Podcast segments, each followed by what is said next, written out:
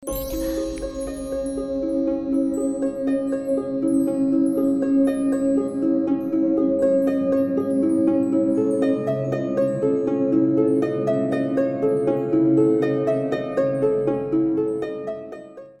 selamat malam.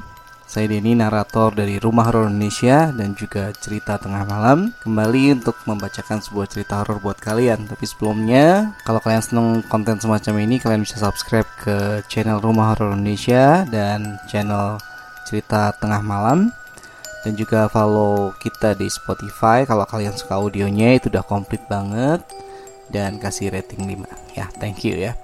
Oke, cerita kita untuk malam hari ini berjudul Hantu Pelaut Portugis. Senin tanggal 19 September saya berangkat ke Jepara dengan menggunakan kereta dan travel.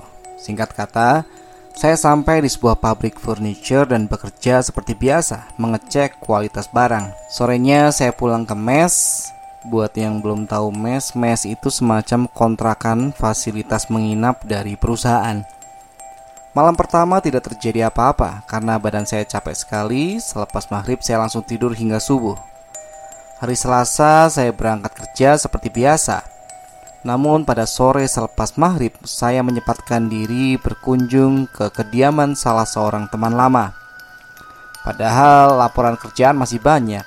Ya namanya silaturahmi. Kalau nggak disempat-sempetin ya susah nyari waktu yang tepat buat ketemu teman lama. Jam 9 malam, saya pulang ke mes yang lokasinya di daerah perusahaan Mandaan Jepara. Saat pulang itulah saya baru menyadari ternyata lokasi mes saya itu dikelilingi oleh kuburan. Dalam hati berkata, aduh sarang lembut nih. Sampai di mes sekitar jam setengah 10 malam.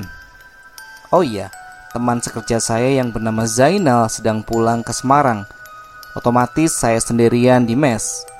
Setelah istirahat sejenak lalu mandi dan ngopi-ngopi, saya lanjut buat laporan kerja. Tak terasa waktu sudah menunjukkan jam 12 malam. Tanda-tanda aneh mulai muncul. Terdengar suara-suara seperti orang lagi sibuk angkut-angkut barang. Ya, kebayanglah kayak ada yang diangkat, ada yang digeser, ada benda jatuh. Mendadak tengkuk terasa merinding. Walau perasaan agak-agak gimana, tapi saya tetap melanjutkan membuat laporan pekerjaan. Saat saya sedang menghisap sebatang rokok, tiba-tiba ada bayangan melintas di samping kulkas. Saya langsung beranjak dari kursi dan mengejar bayangan itu hingga ke pintu depan. Tapi aneh, ternyata nggak ada siapa-siapa. Selanjutnya di belakang saya seperti ada beberapa orang berjalan cepat melewati kulkas menuju dapur. Saya baik lagi mengejar rombongan tersebut. Buset dah. Ada sesosok makhluk yang terlihat tapi hanya topi dan kakinya saja yang sempat saya lihat. Makhluk itu menembus pintu dapur menuju gudang. Saya merasa makin penasaran.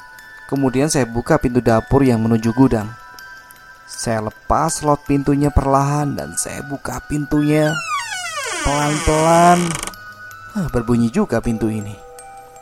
Tengok-tengok di sekitar gudang, tapi ternyata tidak ada apa-apa. Ya udah, saya balik aja ke laptop untuk melanjutkan bikin laporan lagi. Baru saja ketak-ketik sebentar, terdengar suara-suara aneh. Kayak apa ya? Ya kayak tak tak Lanjut terus apa diterusin besok ya? Gumam saya dalam hati. Lalu tiba-tiba ada sesuatu yang meniup di belakang leher saya. Lalu terdengar suara keras seperti benda jatuh di atas eternit atau plafon. Perasaan mulai makin gak karuan. Lalu saya berdiam. Maksudnya ya nyindir supaya ya gangguan itu pergi. Segera saya beresin laptop dan masuk ke kamar. Sialnya jendela di kamar yang tembus ke gudang tidak ada gordennya. Saya masuk kamar, matikan lampu dan rebahan di atas spring bed dengan posisi membelakangi pintu kamar dan wajah menatap ke jendela kamar. Baru saja beberapa menit rebahan, terdengar suara seperti ombak di laut. Aneh sekali. Karena penasaran, saya tetap melihat ke arah jendela kamar. Samar-samar terlihat seperti topi saya hanya bisa menggambarkannya sebagai mirip topi bajak laut. Lalu terlihat bagian samping dan belakang makhluk tersebut. Ini mirip seperti gambar orang Portugis yang ada di buku-buku. Saya mulai merungkel seperti udang yang ketakutan dan membelakangi jendela. Penasaran saya tengok sekali lagi ke arah jendela. Dan ada penampakan.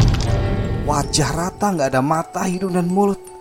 Astaga, sepanjang malam saya lantunkan doa baca-baca yang saya bisa apal Hingga akhirnya karena kelelahan akhirnya saya ketiduran juga.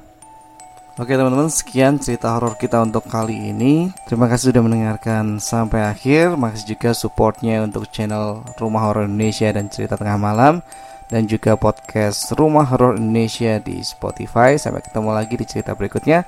Selamat malam, selamat beristirahat